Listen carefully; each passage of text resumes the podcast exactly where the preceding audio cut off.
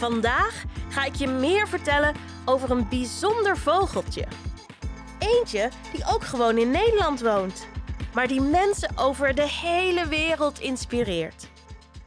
We beginnen bovenaan met tandenpoetsen. 3, 2, 1.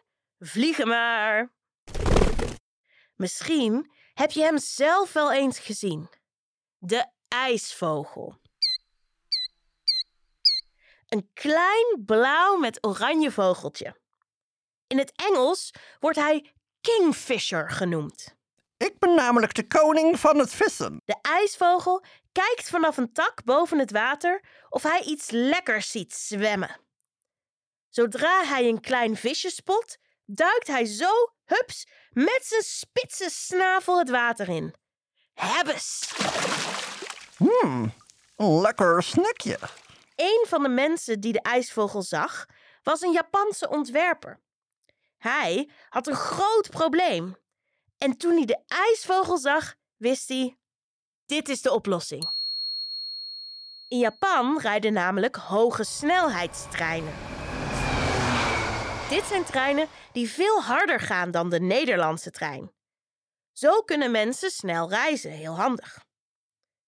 Vroeger hadden deze hoge snelheidstreinen een ronde neus.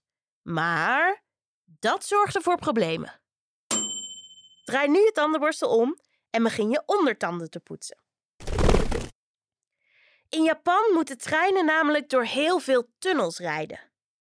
Door de ronde neus kon de trein wel heel snel gaan, maar hij reed zo snel de tunnel in dat de lucht niet weg kon. En inmiddels weet je, lucht moet zich kunnen verplaatsen. De lucht werd dan door de trein vooruitgeduwd en samengedrukt. Aan het einde van de tunnel ontsnapt de lucht en bam! Dit zorgt voor zulke harde knallen dat iedereen in de buurt opeens vreselijk schrikt. Daar moest verandering in komen. Dus keek de Japanse ontwerper naar de ijsvogel, die door zijn lange snavel heel soepel het water induikt.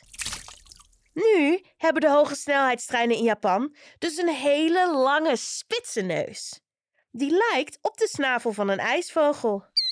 En dat werkt! De trein rijdt nog even hard, maar dan zonder luide knallen. Dat was het voor vandaag. Spuug je tandpasta uit en spoel goed je mond. Morgen gaan we samen vogels spotten. Tot morgen!